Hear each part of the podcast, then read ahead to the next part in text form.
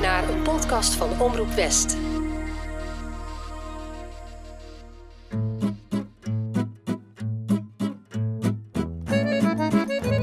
Bonjour, mijn naam is Tess en leuk dat je luistert naar seizoen 2 van Enchanté, de chanson podcast. Dit is aflevering 2.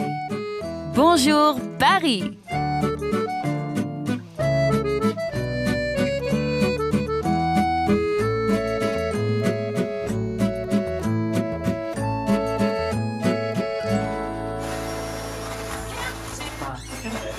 Bereid deze podcast voor vanuit Parijs.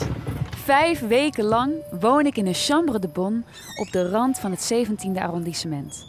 Nou ja, chambre de bonne.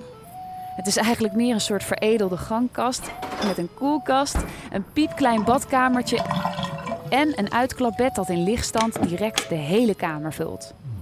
Maar hé, hey, ik ben in Parijs. Zodra ik de oude houten spiraaltrap afdaal en de zwarte deur naar de straat opentrek, word ik overvallen door een kakofonie van geluiden.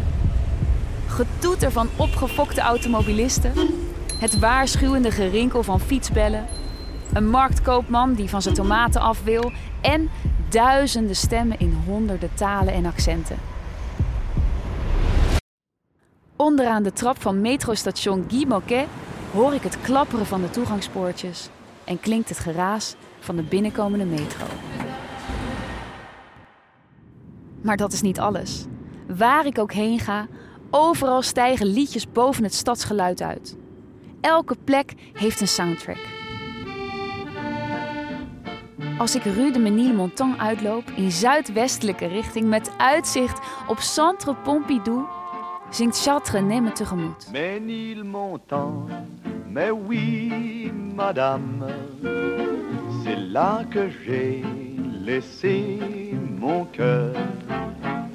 Ik passeer de Notre-Dame, nog altijd gespalkt met stijgers, en hoor Edith Piaf's stem door de wolken breken. Dans le Paris de Notre-Dame, de Notre-Dame de Paris. Zelfs als ik in mijn overprijsde kopje thee roer bij Le Deux Magots, geeft Henri Salvador me genoeg reden om van deze wijk te houden. J'habite à Saint-Germain-des-Prés. Et tous les soirs, j'ai rendez-vous.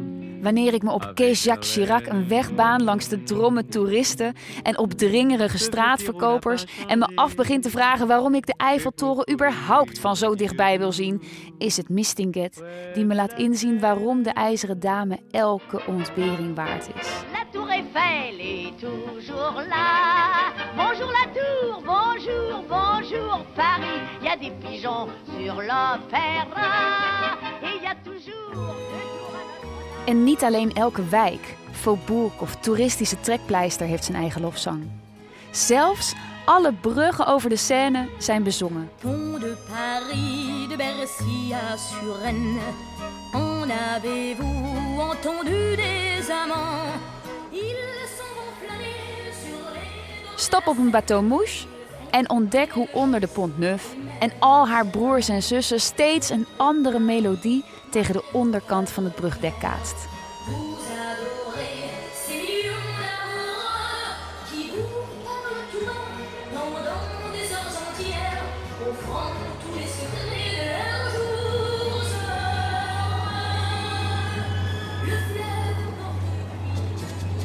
In Parijs klinkt altijd muziek. Elk moment van de dag. Zelfs in de kleinste uren. Een vroege zomerochtend. Straatvegers schonen de straat op. Vrachtwagens rijden af en aan, laden in en uit. In de vele bakkerijtjes worden de eerste broodjes gebakken, terwijl in de slachthuizen van La Villette het spek wordt gesneden. Parijs ontwaakt en het is een schitterend gezicht. Liedjeschrijver Jacques Lanzmann en zijn vrouw Anne Ségalin aanschouwen het vanuit een taxi. De twee zijn net teruggekomen uit het buitenland en zien hun stad op dit uur met vermoeide ogen vanuit een heel ander perspectief dan gewoonlijk. Het echtpaar kijkt elkaar aan. Een ontwakend Parijs. daar zit een liedje in. Je suis le dauphin de la place Dauphine et la place Blanche à mauvaise mine. Les camions sont pleins de lait, les balayeurs sont pleins de balais. Il est 5 heures. Wanneer ze het idee voorleggen aan muziekproducent Jacques Wolfson, is hij meteen enthousiast. Het doet hem denken aan een populair gedicht en een lied uit 1802, Tableau de Paris à 5 heures. Een beeld van Parijs om 5 uur. Hier gezongen door Francis Lemarque. L'ombre s'évapore et déjà l'aurore de ces rayons d'or, les toits d'alentour. Wat een geweldig idee om een modern lied te maken over dit onderwerp, denkt Wolfson. Parijs om 5 uur 's ochtends. Het intieme moment waarop de nachtdieren worden afgelost door de dagwerkers. En dat lied moet gezongen worden door de artiest van dat moment. Jacques Dutronc. Il est 5 heures, Paris s'éveille. Jacques Lansman en Jacques Dutronc hebben samen al flink wat hits te pakken gekregen. Met Et moi, et moi, et moi, Emma, Emma, Emma. Le Cactus en les filles. De. J'aime les filles. Wie weet wordt dit ook wel wat.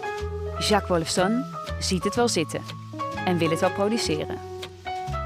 Dutron wordt erbij gehaald. Hij componeert de muziek en de tekst wordt een moderne versie van het gedicht uit 1802. De Eiffeltoren heeft een cameo, net als de toeristische Paris by Night bussen. Paris. En natuurlijk ook Montparnasse, dat er op dat moment als een karkas bij ligt, omdat op dat moment die enorme wolkenkrabber wordt gebouwd. Er zit ook een pikante knipoog in. Strippers, travestieten en in elkaar verstrengelde geliefden komen op dit uur voorbij. En tussen de nacht en de ochtend staat de obelisk op Place de la Concorde recht overeind. Vul zelf de dubbele betekenis maar in. In een vloek en een zucht wordt het nummer opgenomen. Maar als Jacques 1, Jacques 2 en Jacques 3 in de studio naar het eindresultaat luisteren, zijn ze het er unaniem over eens dat het nummer te saai is. Er ontbreekt iets. Toevallig staat er in de naburige studio de beroemde klassiek geschoolde fluitist Roger Bourdin stukken van Bach in te spelen.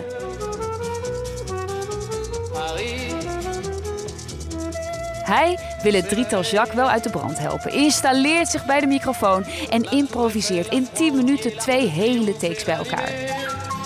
Het klinkt werkelijk alsof een zangvogel tussen het ritme van de ontluikende ochtend doorfladdert. il est 5 heures. Eureka! De drie Jacques slaan elkaar uit euforie op de schouder. Een flinke fluitpartij. Dat was het. Dat ontbrak er nog aan. In maart 1968 komt Il est 5 heures Paris s'éveille uit. En meteen schiet het nummer naar de toppen van de hitparades. Zelfs in België en Nederland kan niemand meer om Dutron heen. Twee maanden na de release is het vuur nog lang niet gedoofd. Sterker nog, Paris s'éveille, Parijs ontwaakt, wordt de hymne van de studentenrevolte. De originele tekst wordt aangepast naar een meer revolutionaire versie. Door een man genaamd, ja je raadt het nooit, Jacques. Jacques Leglou. Les 403 sont renversés, la grève sauvage générale. Dutron, die zelf ook niet vies is van het omverschoppen van heilige huisjes, geeft er hem zijn persoonlijke toestemming voor. Il est 5 heures. Dat dit tot gevolg heeft dat de radiostations de single vanaf dat moment een tijdje niet meer draaien, ja, dat, dat zal ze worst wezen. In 1991 roepen 45 muziekrecensenten in een onderzoek van de Nouvelle Observateur Il est 5 heures Paris s'éveille uit tot de beste single aller tijden. Door naar nog meer verhalen over Parijs en haar liedjes. Allez, viens In 1950 start filmregisseur Julien Duvivier met de productie van een nieuwe film. D'abord, tu vas bouffer avec moi. Een film over Parijs waarin verschillende personages elkaars pad kruisen. Dit moet wel een klassieker gaan worden. Liedjeschrijver Jean Dréjac en Hubert Giraud hebben een nummer dat naadloos bij het concept past. Enthousiast presenteren ze het lied. La chanson de Paris. La chanson de la vie, la chanson de l'amour, la chanson qui fait vibrer les faubourgs, la chanson tout court. Maar de filmregisseur wijst het op brute wijze af. Bedenk maar iets anders, jongens, dit is het niet. En oh ja, hij heeft morgen al iets nieuws nodig, want de opnames zijn in volle gang. Ontgoocheld verlaten de twee mannen het pand. Ze overwegen zelfs om de samenwerking op te zeggen. Die arrogante Duvivier die zoekt het maar uit met zijn film. Maar plotseling verschijnt er een melodie. Net even iets anders dan wat ze zojuist hebben voorgesteld. Giraud neuriet het wijsje een paar keer en Dréjac haast zich naar huis, waar hij de hele nacht doorhaalt om de tekst op papier te pennen. De titel? Sous le ciel de Paris. De volgende ochtend crossen de twee met gierende banden naar de tuinen van de Tuileries, waar op dat moment opnames voor de film bezig zijn. Midden in een scène saleuren ze Duvivier van zijn regisseurstoel en zetten hem op de achterbank van de auto. Hubert Giraud pakt zijn gitaar en speelt en zingt het lied dat nog geen paar uur oud is. Duvivier is meteen verkocht. Dit is een chanson van grote klasse. Misschien wordt het wel net zo populair als de film zelf. Dat zou leuk zijn.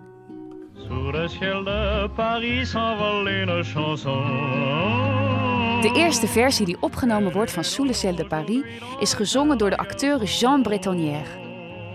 Een paar maanden later hoort een beginnende artieste het nummer voor het eerst.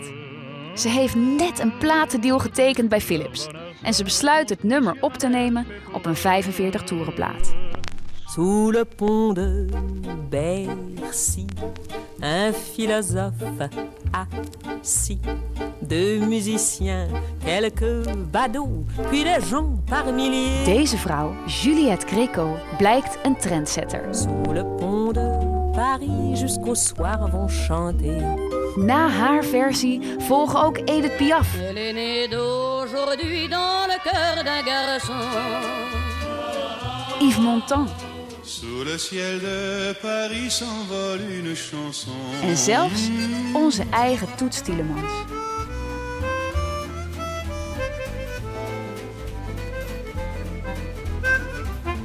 Maar haar versie resoneert misschien nog altijd wel het meeste na. En de film, Ja, die werd een klassieker. Maar het chanson werd een wereldhit.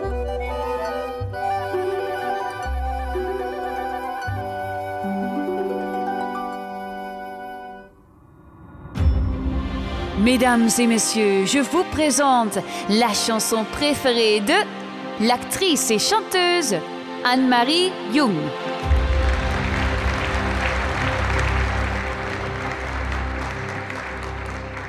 Bonjour Tess, Eh, hier is Annemarie Jong. Je vroeg me naar mijn favoriete chanson aller tijden. En dat kan ik je vertellen, dat is Joie de Vivre van Alex Klaassen. Ja, een Nederlandse cabaretier inderdaad. Joie de vivre. Joie de vivre. Een goed glas wijn, een blokje kaas, dat is joie de vivre. Dat is een liedje uit eh, 2009, uit zijn soloprogramma Eindelijk Alleen. En als je het hoort, denk je, dit is toch een Franse chanson?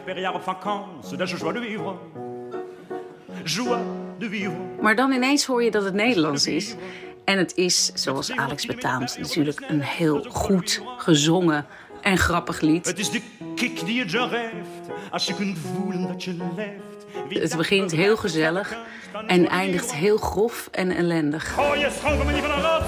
Stik me in je eigen lauwe kot. Stuur Obama een kogellief. Dat pas zo de vivre meer. Steek zo je warend in de fik. Maar leef je leven tot de laatste snikken. Want dat is wat het is. Joie de vivre. Joie de vivre. Joie de vivre. Ja, ik ben er dol op. Je luistert naar de chanson-podcast Enchanté. We gaan door met Jason Crest. Wacht, ken je Jason Crest niet? Nou ja, zeg, wa- wacht even. Her- Herken je dit nummer? Down Waterloo Road. Down Waterloo Road. Dit is Jason Crest. Een Britse psychedelische popband die eind jaren 60 de wereld wil veroveren. Met muziek uiteraard. De ambitie in de voetsporen treden van boegbeelden als Pink Floyd en The Doors. Ze hebben een dikke vette platendeal met Philip Records, die een slaatje wil slaan uit de opkomst van de psychedelische rock en daarom een hele berg bands heeft getekend. Maar met die Jason Crest, daar wil het maar niet mee lukken. Elk liedje dat de band released flopt op meedogenloze wijze. De platenmaatschappij ziet het geïnvesteerde geld verdampen en doet nog een laatste poging. De muziekgroep neemt in 1968 het nummer Waterloo Road op, geschreven door bandleden van een heel andere groep uit die tijd. Ja, het is een beetje een wanhoopsdaad, want het klinkt ook nog eens totaal anders dan wat de band normaal gesproken speelt. Maar ook deze poging faalt. Keihard. Nog voordat het debuutalbum af is, gaat de band uit elkaar. Het liedje Waterloo Road mag dan wel geen hit zijn, het komt wel bij Joe Dassin terecht.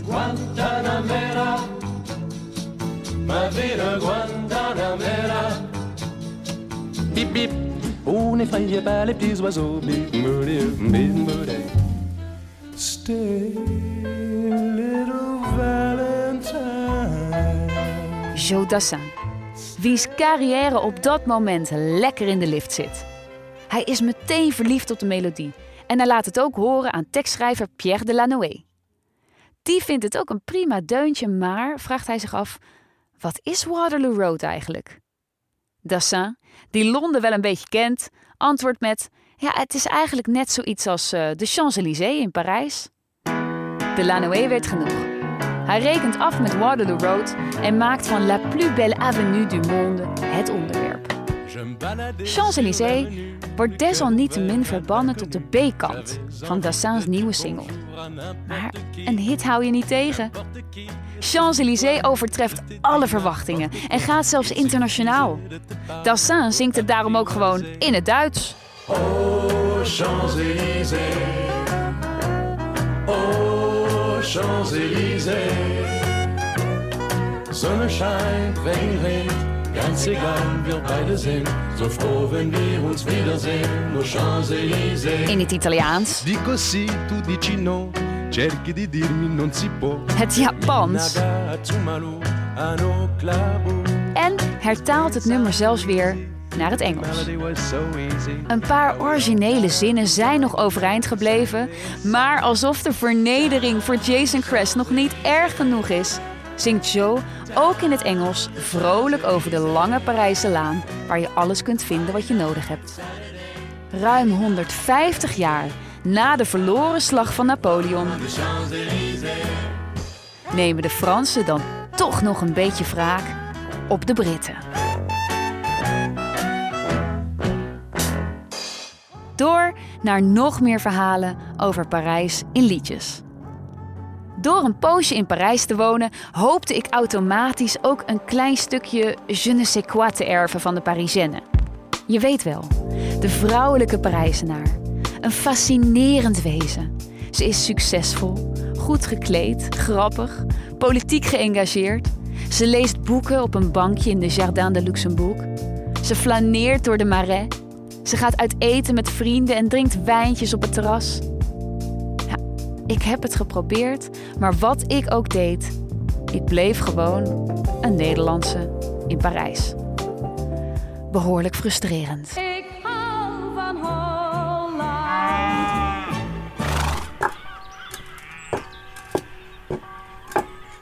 Wie hierover kan meepraten is pianiste en zangeres Marie-Paul Bell. Op haar 23ste komt ze vanuit het zuiden van Frankrijk in het bruisende Parijs terecht. Haar doorbraak komt in 1976, het tijdperk van de discomuziek.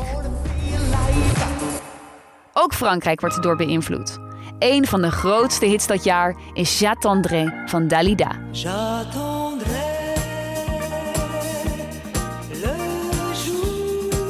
Te midden van het discogeweld komt Marie-Paul Bell met een nummer dat zich niets van de trends aantrekt. La Parisienne.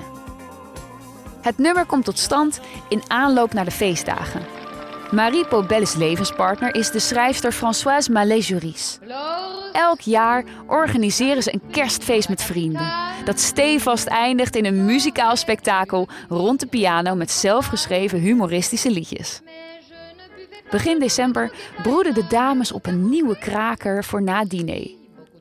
En omdat hun vriendenkring voor een groot deel uit Parijzenaars bestaat en de vrouwen allebei niet uit de hoofdstad komen, schetsen ze het verhaal van een provinciaalse die in Parijs terechtkomt en niet voldoet aan het clichébeeld van een Parisienne. En daar baalt ze van, deze Parisienne. Ik drink niet, ik gebruik geen drugs, ik heb geen enkel complex. Ik ben veel te normaal, verzucht ze.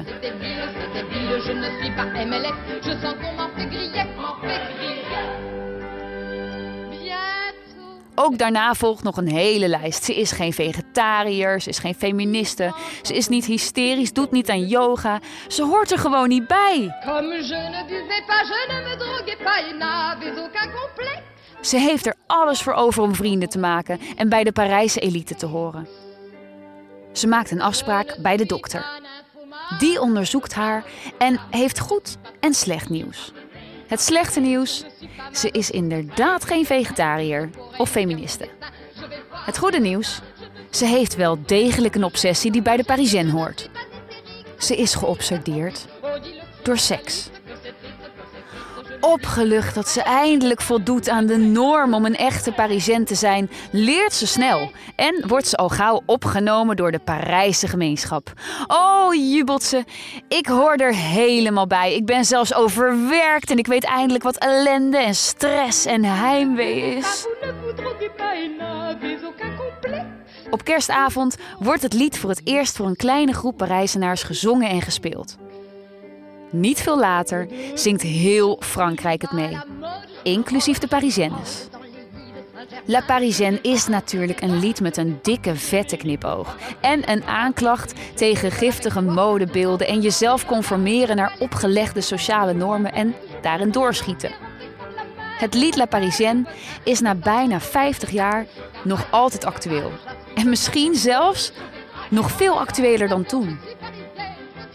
Dat ik in vijf weken tijd niet ben uitgegroeid tot een Parisienne, dat is misschien maar beter zo. Het scheelt me in ieder geval een hoop stress. En slapeloze nachten.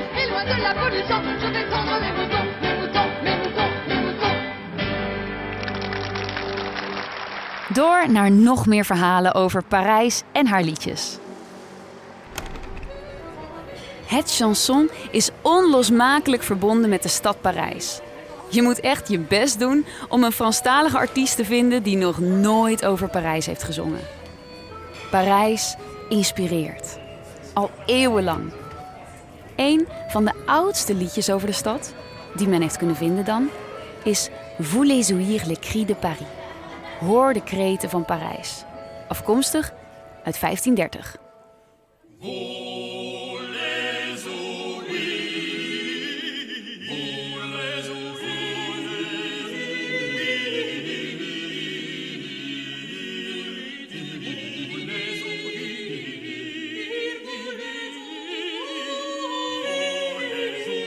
Weet je nog dat ik het had over die kakofonie van geluiden die Parijs voortbrengt? Nou, dat is precies wat je hoort in dit lied.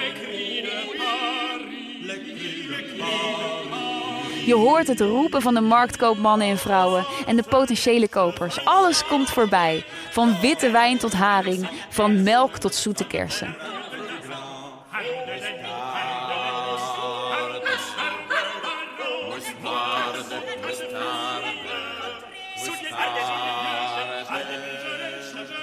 Met de start van de Belle Époque aan het einde van de 19e eeuw wordt Parijs pas echt een geliefd onderwerp in liedjes.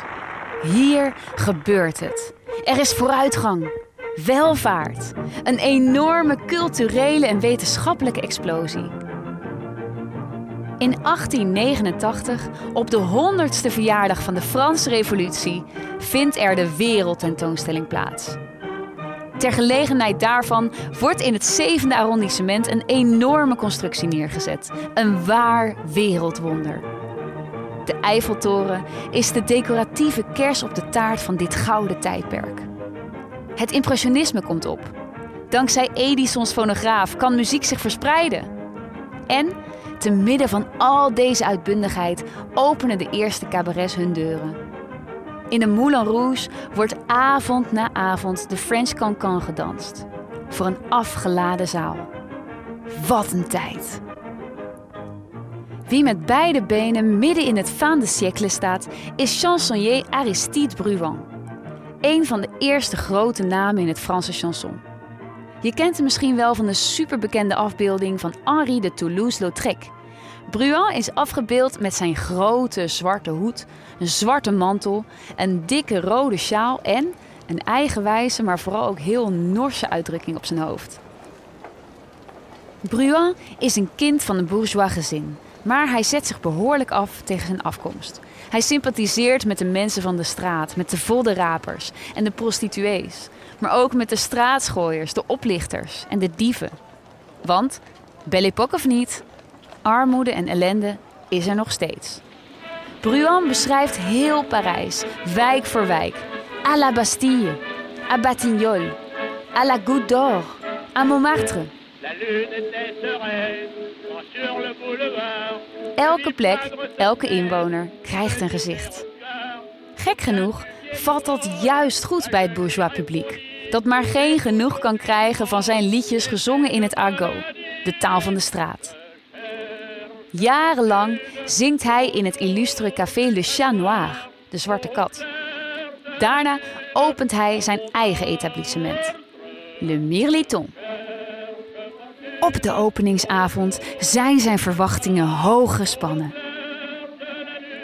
Apetrots staat hij te wachten om zijn eerste gasten te verwelkomen.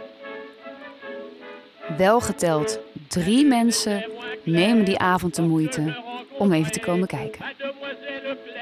Uit pure frustratie slaat hij met zijn vuist op tafel en begint ze één voor één uit te voeteren. Stelletje varkens! Vind je het niks? Je vindt het niks, hè? Ga dan weg, dom wicht! Oude koe!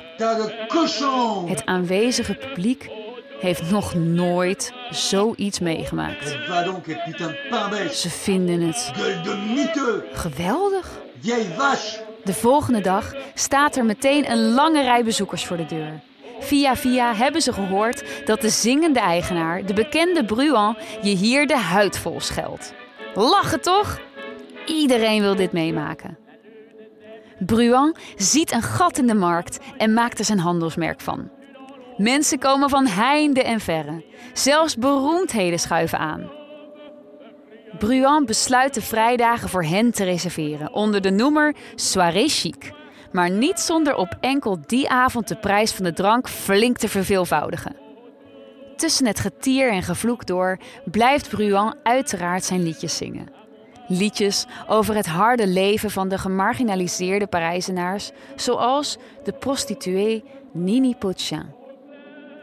Haar verhaal wordt ook vandaag de dag nog luidkeels meegezongen in Lapin Agile, het oude, iconische cabaret in Montmartre. Quand elle était petite, le soir elle allait à Sainte-Marguerite, au casse Daar wordt de muziek van Aristide Bruant levend gehouden, net als die van al zijn collega's die hun stempel drukten op het Franse chanson in Parijs.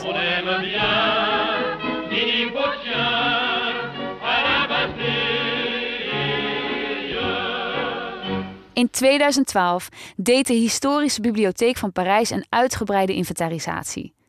Niet minder dan 2500 liedjes over Parijs werden er geregistreerd. En in de afgelopen jaren zijn er nog veel meer liedjes bijgekomen. Elk met een eigen verhaal. Ik bedoel, zelfs ik heb een liedje geschreven. Over hoeveel ik eigenlijk van Parijs hou, zelfs als het hondenweer is. Het kwam tot stand nadat ik samen met mijn geliefde een hele dag door de stad had gelopen. Het regende. De hele dag. En we hadden geen paraplu of regenjas bij ons. In Rue Mouffetard stonden we tot onze enkels in het water. Met onze nette schoenen. En terwijl we als twee verzopen maar dolgelukkige katten naar ons hotel wandelden, kwam zomaar een melodie in me op. Maar hoe kan dat toch? Wat maakt Parijs nou eigenlijk Parijs?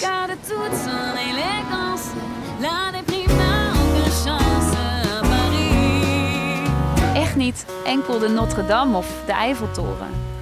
De basilisque op Place de la Concorde of, of de Pont Neuf.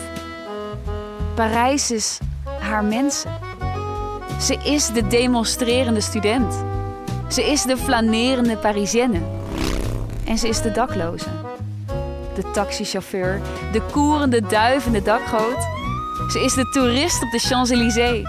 En natuurlijk ook de prostituee Nini Pochin.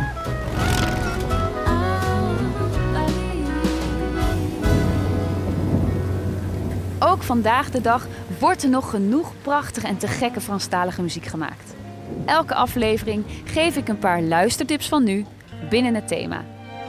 Numero 3. Camille. Paris. Fini les balades le long du canal, les escaliers des cartes postales. Ja, dit nummer uit 2002 heb ik dus helemaal stuk gedraaid. Camille is helemaal klaar met Parijs. Ze heeft de vieze trottoirs en de bateau mouche en de grijze lucht nou eigenlijk wel gezien en ze vertrekt. Maar ze komt in Toulouse terecht en daar regent het. En in Sevilla drinkt ze veel te veel. En in Rio krijgt ze heimwee.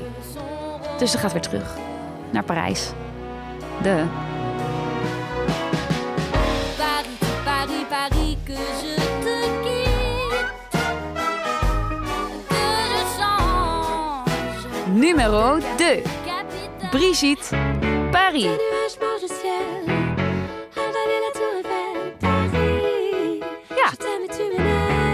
Gewoon nog een nummer dat Paris heet, waarom ook niet? Want Parijs en Parijzenaren hebben toch altijd een beetje een haat-liefde verhouding met elkaar. En zo ook het duo Brigitte. Ja, die zijn lang niet alleen maar laaiend enthousiast over de stad. Parijs, ik hou van je, maar ach, wat irriteer je me ook. Jij en ik, wij zijn als hond en kat. Maar ik kom altijd bij je terug. Ik ben tenslotte je meisje.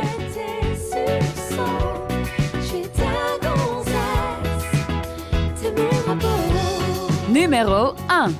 Gauvin Cers, Les Toits de Paris. Je suis parti à Paname, ma guitare sur le dos.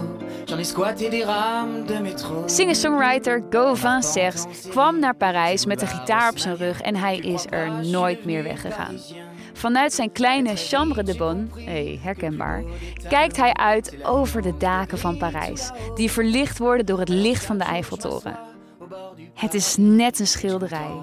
Dit is Parijs op haar. Dans ma petite chambre de bonne, bien calée au sixième. C'est sûr, j'emmerde personne, pas de problème. Y a rien que des étudiants, des vieillards marginaux. Même que parfois je me sens chez Douaneau. Le moment que je préfère, c'est quand il fait tout noir. La tour Eiffel m'éclaire de son phare. C'est ma lampe torche à moi, elle balaye toute la nuit pour m'indiquer de Paris.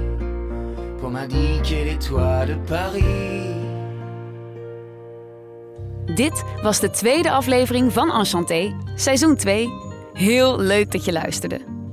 In aflevering 5 van het eerste seizoen ging het over vaders en moeders. Misschien weet je dat nog. In de volgende aflevering zoomen we in op de vaders. En met name op de liedjes die ze schreven voor hun dochters. Met onder andere Claude Nougaro, ma fille. Charles Aznavour Ce jour que j'appréhende où tu nous quitteras. en Renaud. Et les Mistral gagnants. En ik kan je alvast verklappen, het wordt een mooie, maar ook een iets wat ongemakkelijke aflevering. Heb je een vraag, een opmerking of een liefdesverklaring? Stuur dan een mailtje naar podcastapenstaartje.omroepwest.nl Een bedankje aan restauranteigenaar Mark van Bistro de la Place, die in de huid kroop van Aristide Bruan en zijn scheldkanonade instuurde. De intromuziek is van Leon Siebem en van mij met accordeonspel van Lars Visser. De podcast is aan elkaar getoverd door podcastcoördinator Richard Grootbot. En als je nog niet geabonneerd bent, Doe dat dan nog eventjes. En laat een beoordeling achter of schrijf een review. Op die manier kunnen andere luisteraars de podcast nou eenmaal wat makkelijker vinden. Merci et à bientôt!